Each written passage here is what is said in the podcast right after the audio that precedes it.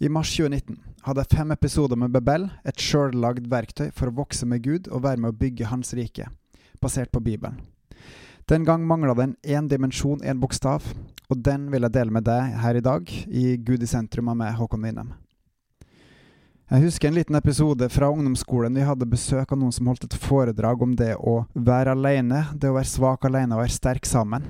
Og da husker, Det lille jeg husker, er faktisk når foreleser tok fram en sytråd og bare demonstrerte hvor lett det er å bryte en sytråd eh, ganske så kjapt. Og Så tok han og spant sammen ti sytråder og spurte hvem som var sterkest på skolen. Og fikk fram den personen, og da skulle den personen prøve å ødelegge disse ti sytrådene. Og personen klarte ikke. Skikkelig flaut for den personen. Eh, men uansett så illustrerte han et veldig viktig poeng, som er et bibelsk poeng. Og det er at vi skal ikke stå alene. Vi er faktisk kalt til å stå sammen. I Gamle Testamentet kommer det veldig tydelig fram at vi alle har ansvar for hverandre. Eh, å ikke bygge, støtte og advare hverandre er faktisk å bryte loven.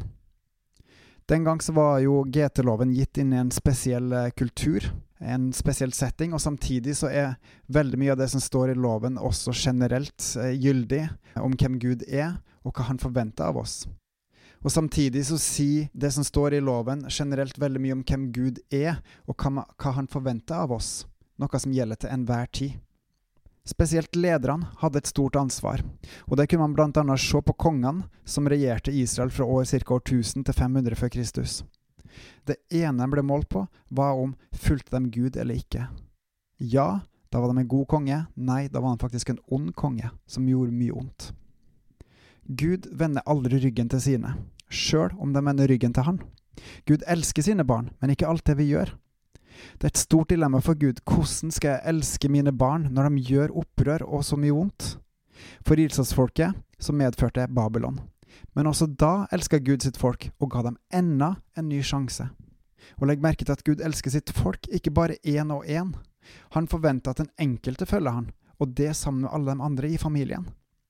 Jo flere som vender han ryggen, desto vanskeligere er det å stå fast.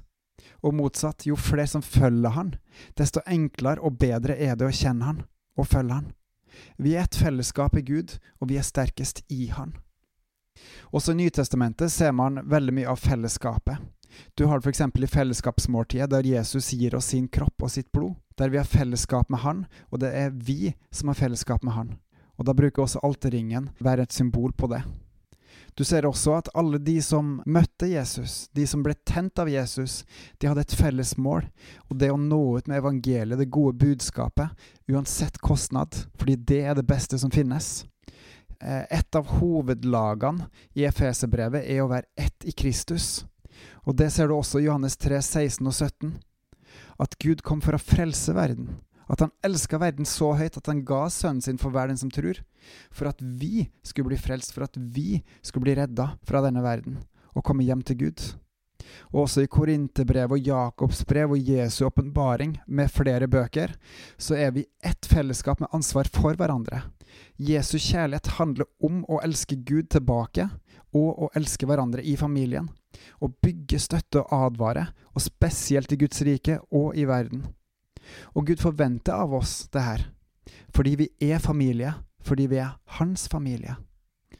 I dag så virker det som at troa bare skal være en privat tro, at det handler mye om å være én og én som tror. Vi er sammen på møter, men det virker ikke som vi snakker med hverandre om ting som har med trua å gjøre. I så fall virker det til bare å være på individuelt nivå. Og i hverdagen så er vi kristne kun opptatt av egne liv og egne hus. Kanskje er man med på ei bønnegruppe eller lignende, kanskje hjelper man til i noe, men vi er ikke med Gud. Og når vi er med hverandre, så handler det ikke om livet med Gud. Hva slags vitner er vi? Vi er familie, men er mer opptatt av å framstå rett godt enn å elske hverandre. Og vi har laga flere tusen ulike forsamlinger, retninger, som stort sett ikke er av teologi, men menneskelig krangling og jordisk maktkamp. Hvor er kjærligheten til mitt folk, spør Gud. Vi er kalt til å vokse sammen. Fordi vi er familie, vi er søsken, vi er brødre og har ansvar for hverandre. I Bebel, som handler om bygg, be, elsk, les og lytt, se mer i mars 2019, så handler det om at vi skal bygge Guds rike. Vi skal ikke bygge alene, men vi skal bygge sammen. Sammen med nærfamilien vår. altså de kristne vi omgås med til vanlig.